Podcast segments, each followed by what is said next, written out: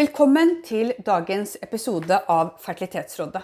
Hvordan kjennes det egentlig ut å ha brukt ti år på å bli gravid med nummer to?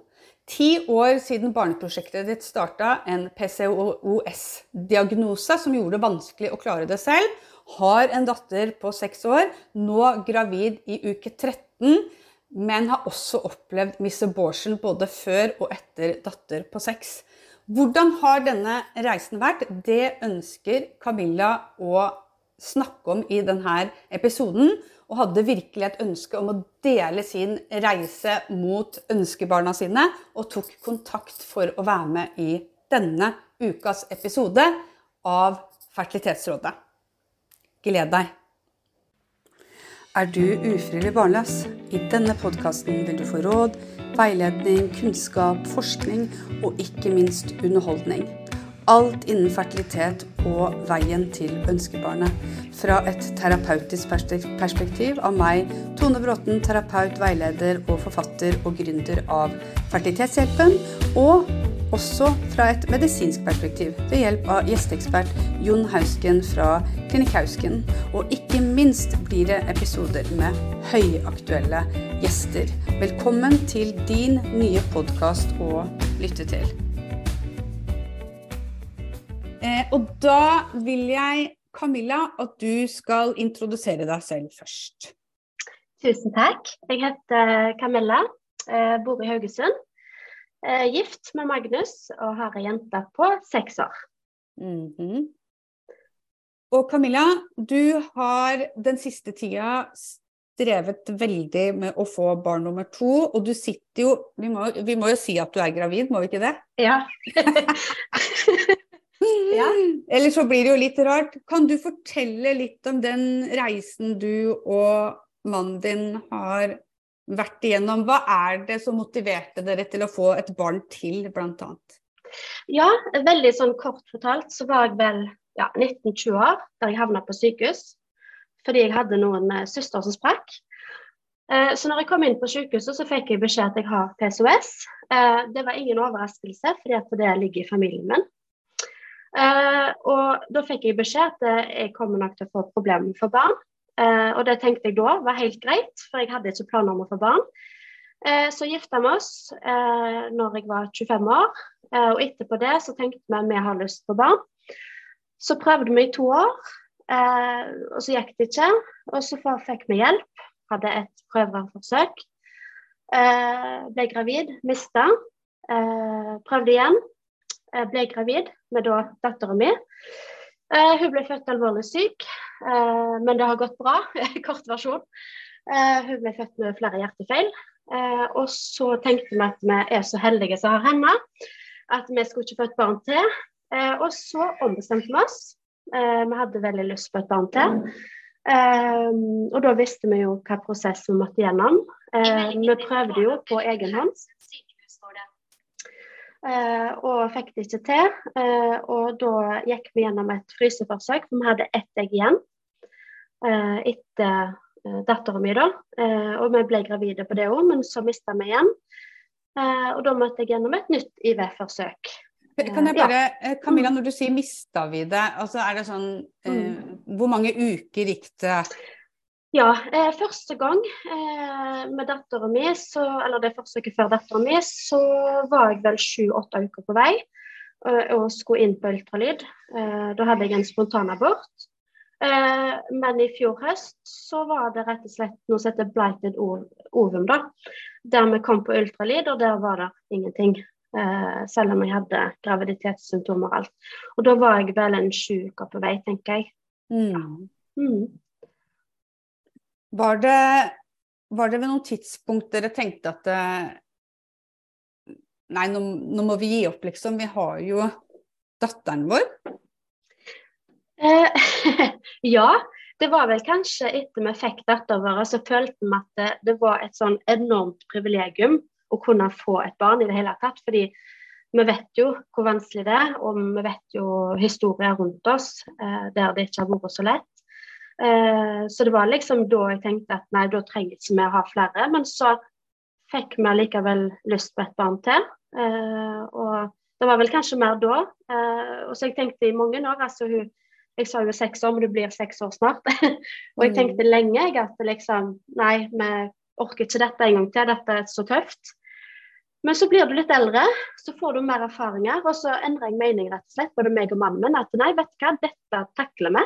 Mm. Eh, og det ble helt annerledes denne gangen, både liksom mentalt og fysisk å gå igjennom. Fordi vi visste hva vi gikk til. Det var ikke noe sjokk. Vi visste at ok, det kan være at vi ikke lykkes med en gang, men at vi kommer til å lykkes på reisen. Mm. Og jeg stilte jo legen noe litt sånn kritisk spørsmål. Kommer vi faktisk til å få et barn til?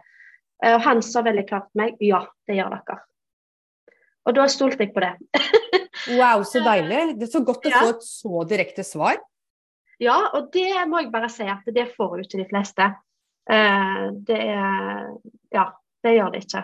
Mm. Men det er klart, det var jo noen ganger jeg tvilte, selvfølgelig, at det, kommer dette til å gå uh, Det å stole på sin egen kropp og alt det der, men jeg tenkte at dette får jeg til denne gangen. Mm. Mm.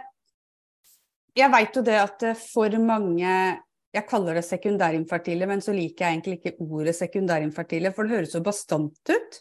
Ja. Men når du på en måte sliter med å få nummer to, så er det lett å kanskje få reaksjoner fra omverdenen som tar litt mer lett på deg. At ja, men nå mm. har dere jo eh, datteren deres, hvorfor bruke masse tid, penger og, og, mm. på et nytt prosjekt? Eh, mm. er, er, det ikke nok med henne? Mm. Eh, og jeg har bare lyst til å si det, fordi ofte så er det jo nettopp det at man har et barn som er den største motivasjonen. For man har opplevd å gå gravid, man har opplevd det miraklet det er å få et barn. Så ønsker man det en, en gang til, og også motivasjonen å få søsken. At man har sett for seg en visjon om hvor mange barn man skal ha, eller Hvordan var det mm. for deg? Har det vært viktig for deg med søsken til jenta di, og samtidig også det her å få lov til å oppleve det på nytt? Eh, I starten så tenkte jeg at eh, vi har det jo så godt oss tre. Det var liksom oss, sånn, tre musketerer. Men, men, så endra jeg mening at oh, vi er jo, passer så godt å være familie. Det er så godt å være familie. At jeg tenkte at uh, nei, vi må bare gjøre det igjen. Um, men klart det var en lang prosess å velge få nummer to. Det var ikke sånn nå prøver vi. Altså, jeg tror vi brukte i hvert fall et år minst på å liksom hele den omstilles på. Skal vi gå gjennom dette fysisk og mentalt? For det er jo tøft å stå gjennom IVF. Uh, ehm, men jeg vil jo bare si det også, da, at det er jo mange uh, som gjerne får veldig lett nummer én. Uh, og vi har jo en litt annen historie, for vi har jo hatt vansker med begge. og jeg vil bare si det at det er jo ingen skam eh, og slite med å få nummer to. Det er veldig vanlig for mange.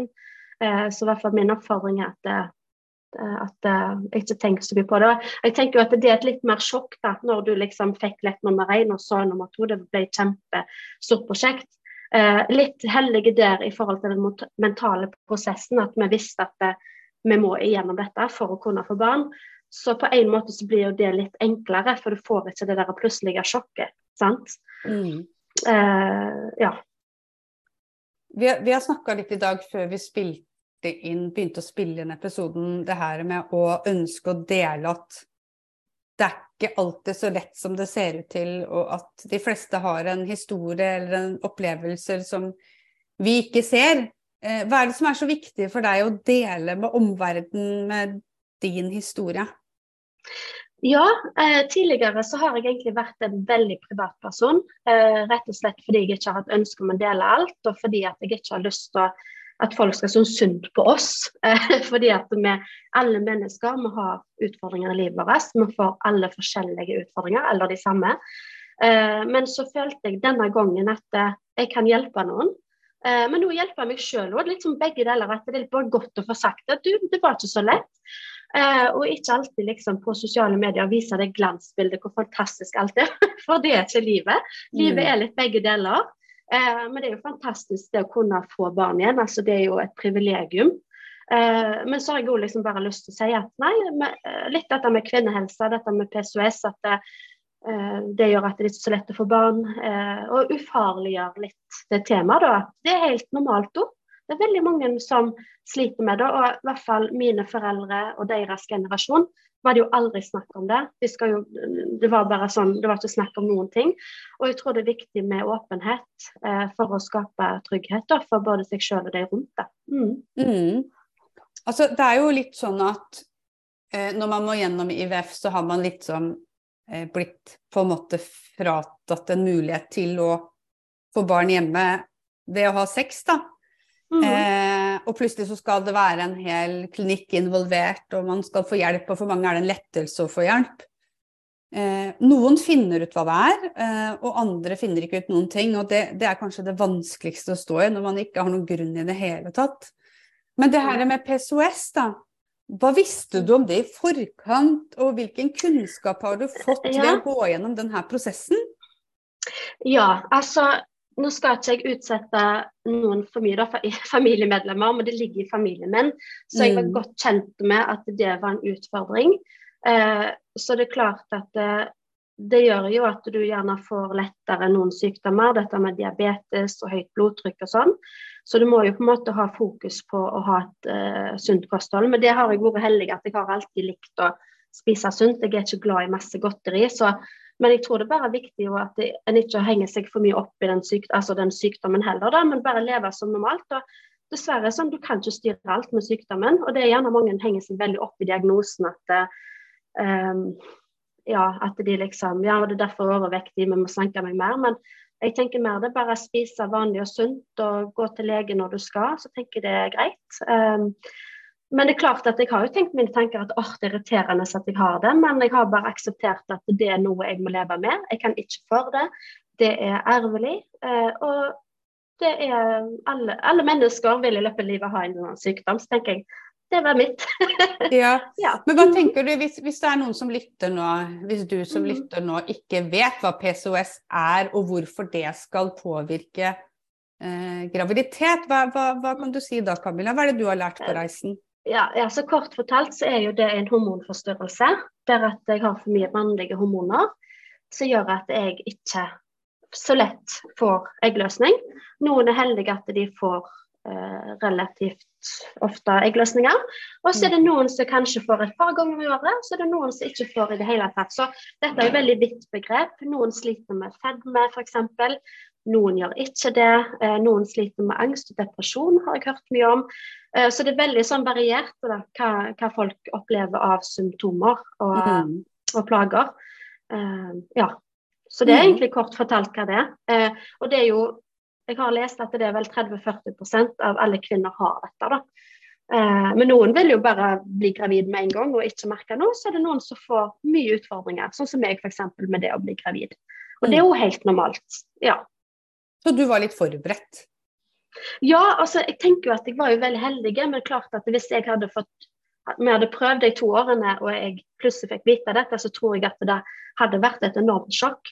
Og jeg tror egentlig at de aller fleste er den kategorien at de prøver lenge, og så plutselig får de vite at det er noe galt med deg det er jo veldig vondt, for det skaper en sånn traume. Men når du vet, uh, før du i det hele tatt ønsker få barn, så er det klart at det, da har det vært litt enklere for meg.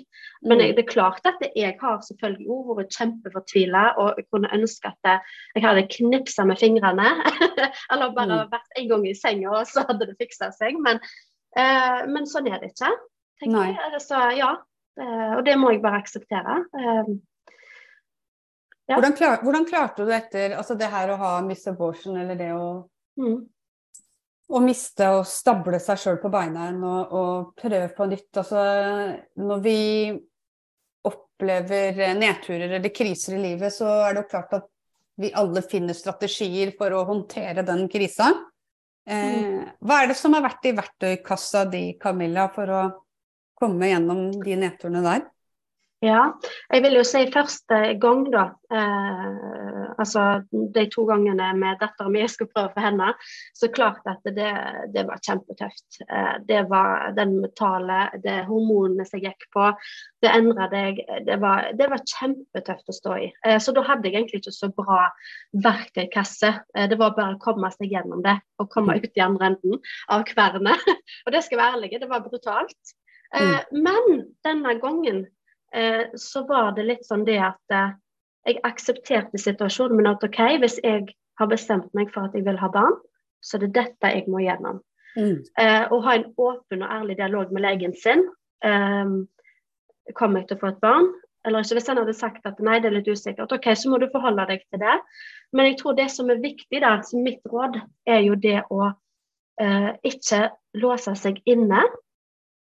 Eh, gå ut på det du klarer, gå en tur. Eh, det, er kjempevanskelig når du står i prosessen og faktisk ta det tiltaket. Se en god film med partneren din, prat sammen. Ta f.eks. gåturer sammen og prate. Eh, Book en tur hvis du klarer det.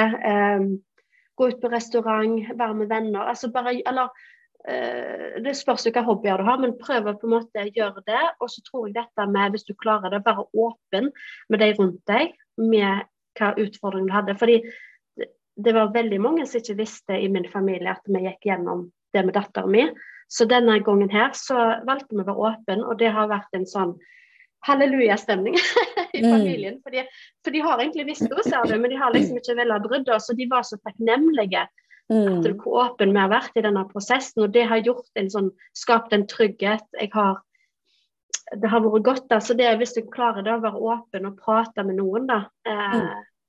Og så søke hjelp òg, fordi jeg har jo, eh, selv om jeg har klart det veldig bra sjøl, så har jeg jo hatt veldig godt av å bare snakke med deg. Fordi at du er ikke i familien min eller har mm. den følelsesmessige involveringen. Bare liksom, bare snakke om det, eh, mm. og bare få det ut. Selv om du kanskje har tenkt at nei, hun er nok ikke den som trenger det mest, men det har liksom bare vært godt å prate med noen om det.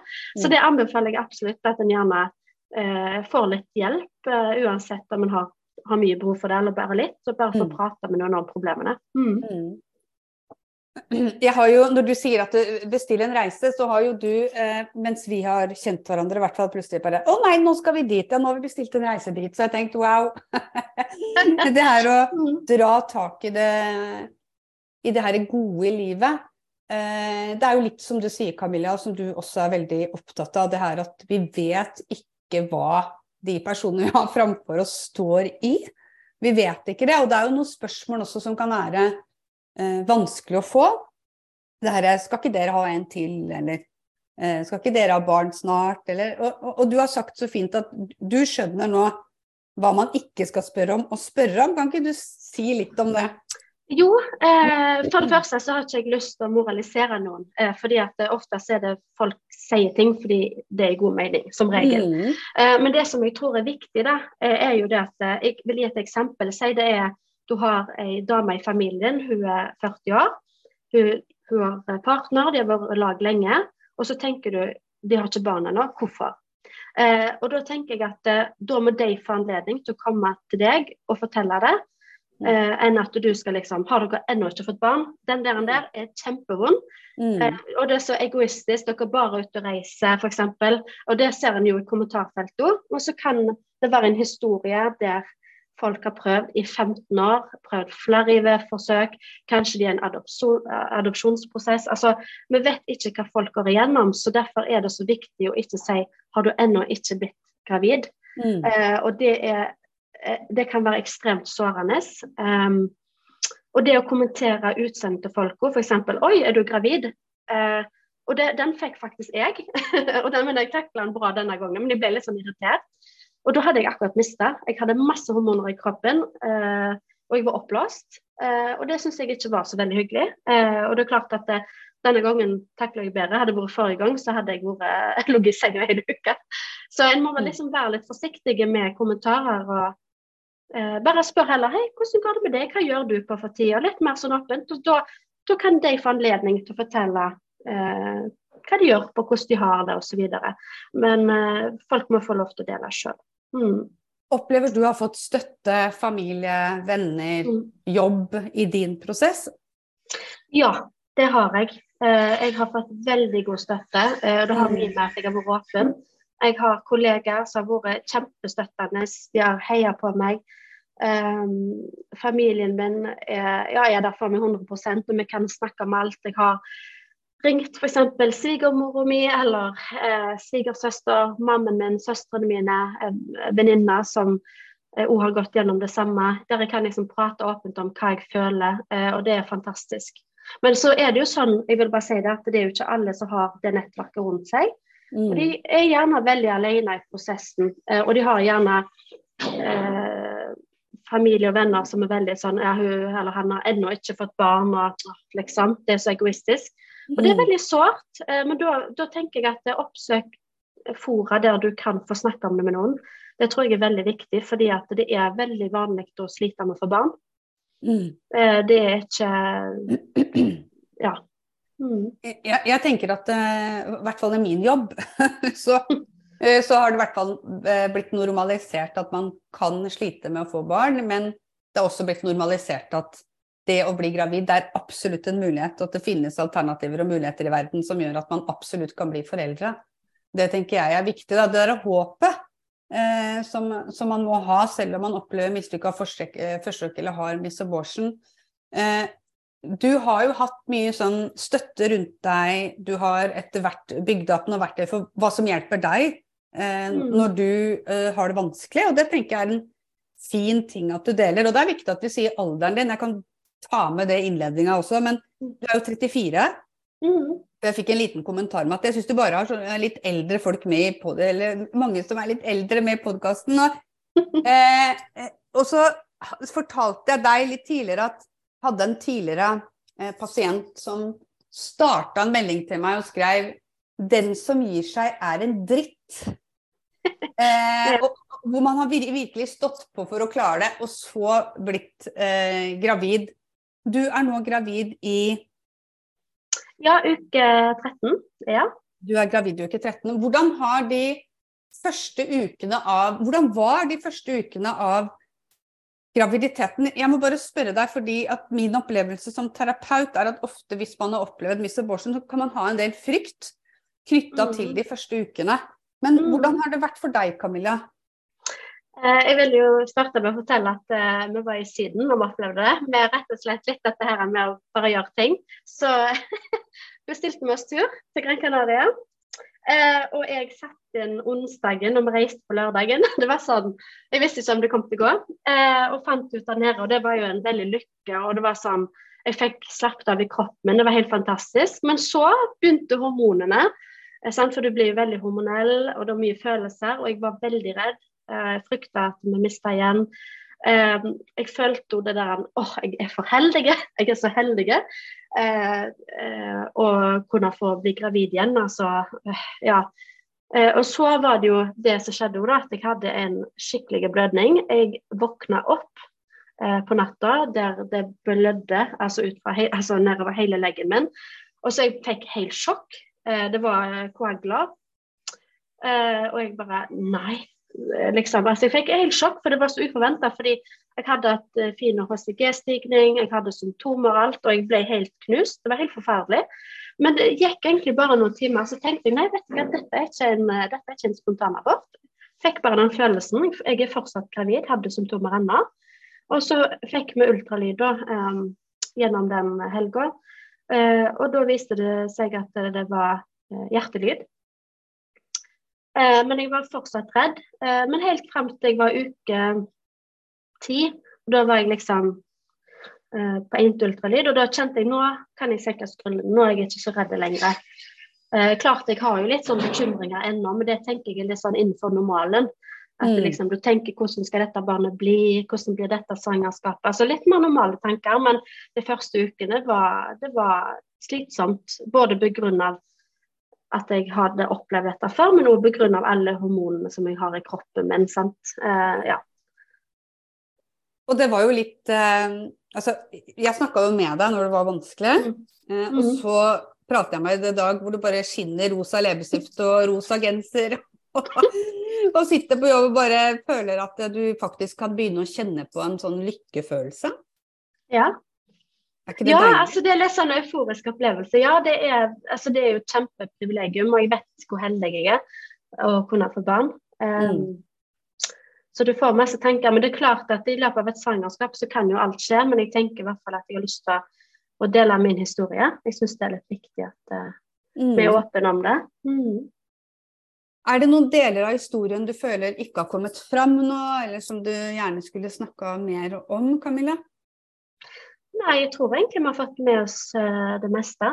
Uh, men i hvert fall mitt tips til folk det er å være åpen. Og, men òg være åpne med sine egne følelser, det tror jeg er ekstremt viktig. Det har ikke snakket så mye om, men det å kjenne på alle de uh, gode og vonde følelsene er kjempeviktig. Misunnelse, sinne, tristhet, glede, redsel. Altså alt dette her, det er òg mm. veldig viktig å kjenne på. Eh, for det glemte jeg å si, for det gjorde jeg ikke første gang. Jeg bare la alle følelsene i skuffa, og så kom de opp som et ras senere. Eh, og det er veldig viktig å kunne kjenne på alt. Eh, og det er veldig Altså akseptere at en er i den situasjonen, og at det er OK å være lei seg. Det er OK å være glad, kjenne på alt. Ja.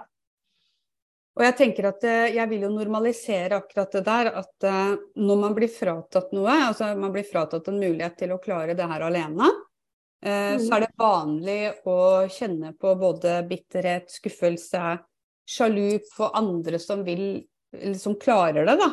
Mm. Men som oftest så er det jo ikke de personene som er problemet, men det er de som er triggere. Det er de som er triggere på ditt nervesystem og følelser. Det er de som setter i mm. gang de vonde følelsene som vi egentlig ikke har lyst til å gå og kjenne på.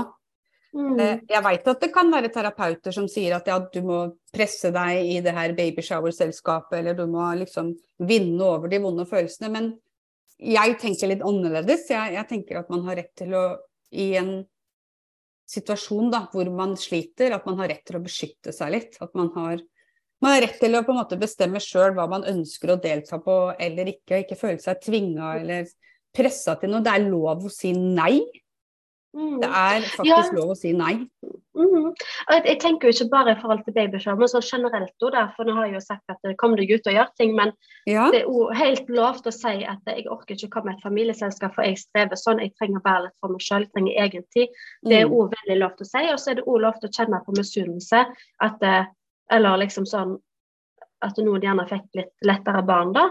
Men det mm. som er min oppfordring, det er å snakke og bare si åpent at dette syns jeg er litt vanskelig, fordi jeg er i den prosessen. Og er det en mm. god venn, så har den vennen forståelse for det. Eh, tenker jeg. Eh, nå har jeg vært sånn litt heldig at jeg er generelt en liten misunnelig person, så jeg har ikke hatt så veldig mye sterke følelser rundt det.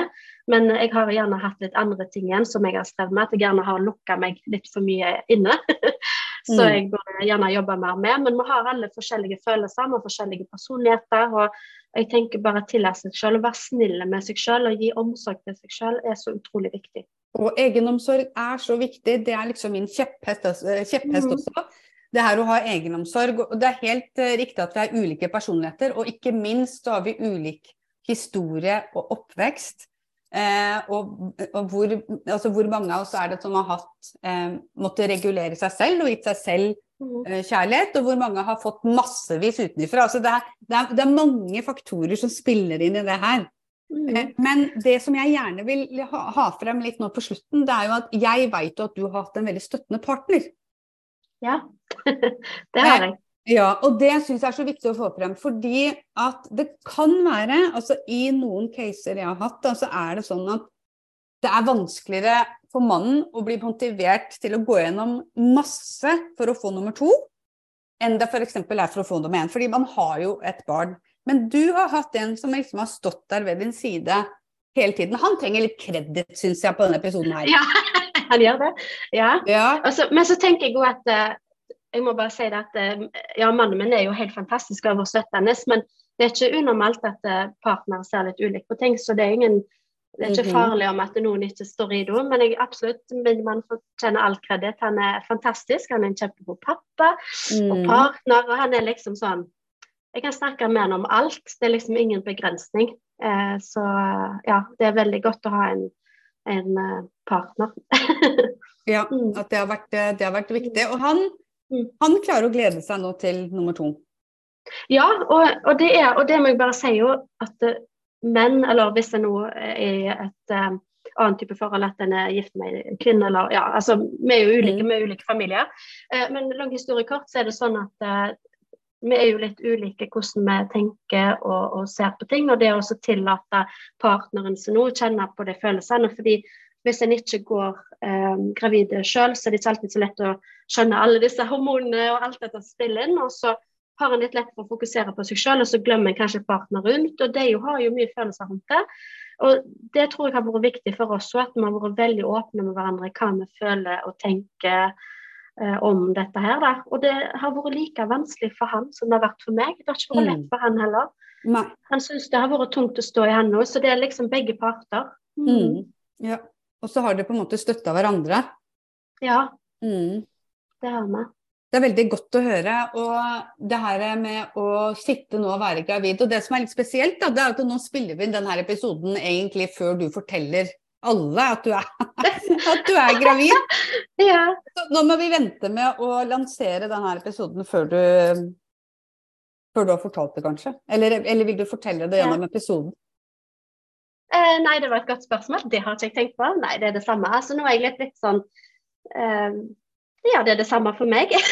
Ja, ja, ja. ja. ja. Mm. Det er fint. Men jeg tenker sånn etter uke 13 så hører jeg at du har fått en trygghet. Og det, det, det syns jeg er veldig fint, da. Fordi flere som har opplevd Mr. Borsen, kan slite litt med å gjenopprette tryggheten. Eh, og da høre på deg og hvor trygg du er at nå, nå kommer det til å gå bra, nå skal jeg fortelle alle det, og nå blir det fint eh, framover. Og du har jo også, for, du har også fortalt til datteren din, har du ikke det? Ja, jeg har involvert henne i prosessen, og det gjorde vi egentlig litt tidligere. At eh, jeg fortalte at eh, mamma og pappa at vi trenger hjelp av en lege til å kunne få barn. Og jeg har tegnet henne. eh, og hun, det er enormt egentlig hva hun forstår. Så Mm. hun vet at uh, hun gikk jo rundt i barnehagen og sa at eh, ja, mamma hun har masse egg i magen. Så det er kjempeherlig, vet du. Så jeg tror det er viktig. Så barnehagen nå ble involvert i denne prosessen, og de jo begynt å heie på oss. Så det er veldig gøy. Så, men hun har jo vært så klart at de har litt følelser med det barnet. Sant? Noen blir jo, hun har vært litt sjalu, og så har det gått greit. Og, men eh, nå syns du det er helt OK. Ja. Mm, så fantastisk. Camilla, jeg ønsker deg lykke til. Du er en herlig person med en herlig personlighet. Og jeg er så heldig som har fått uh, være med deg på veien.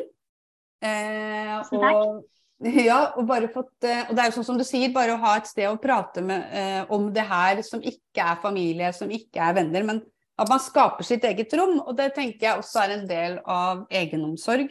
Det er å skape sitt eget rom hvor jeg kan være i fokus. For vi er litt sånn, hvis vi ringer noen eller hvis vi prøver å få tak i noen, alle vil jo stille opp, men, men det er noe med å skape helt sitt eget rom, da. Så jeg er heldig som har fått vært å lage et trygt rom rundt deg, i hvert fall.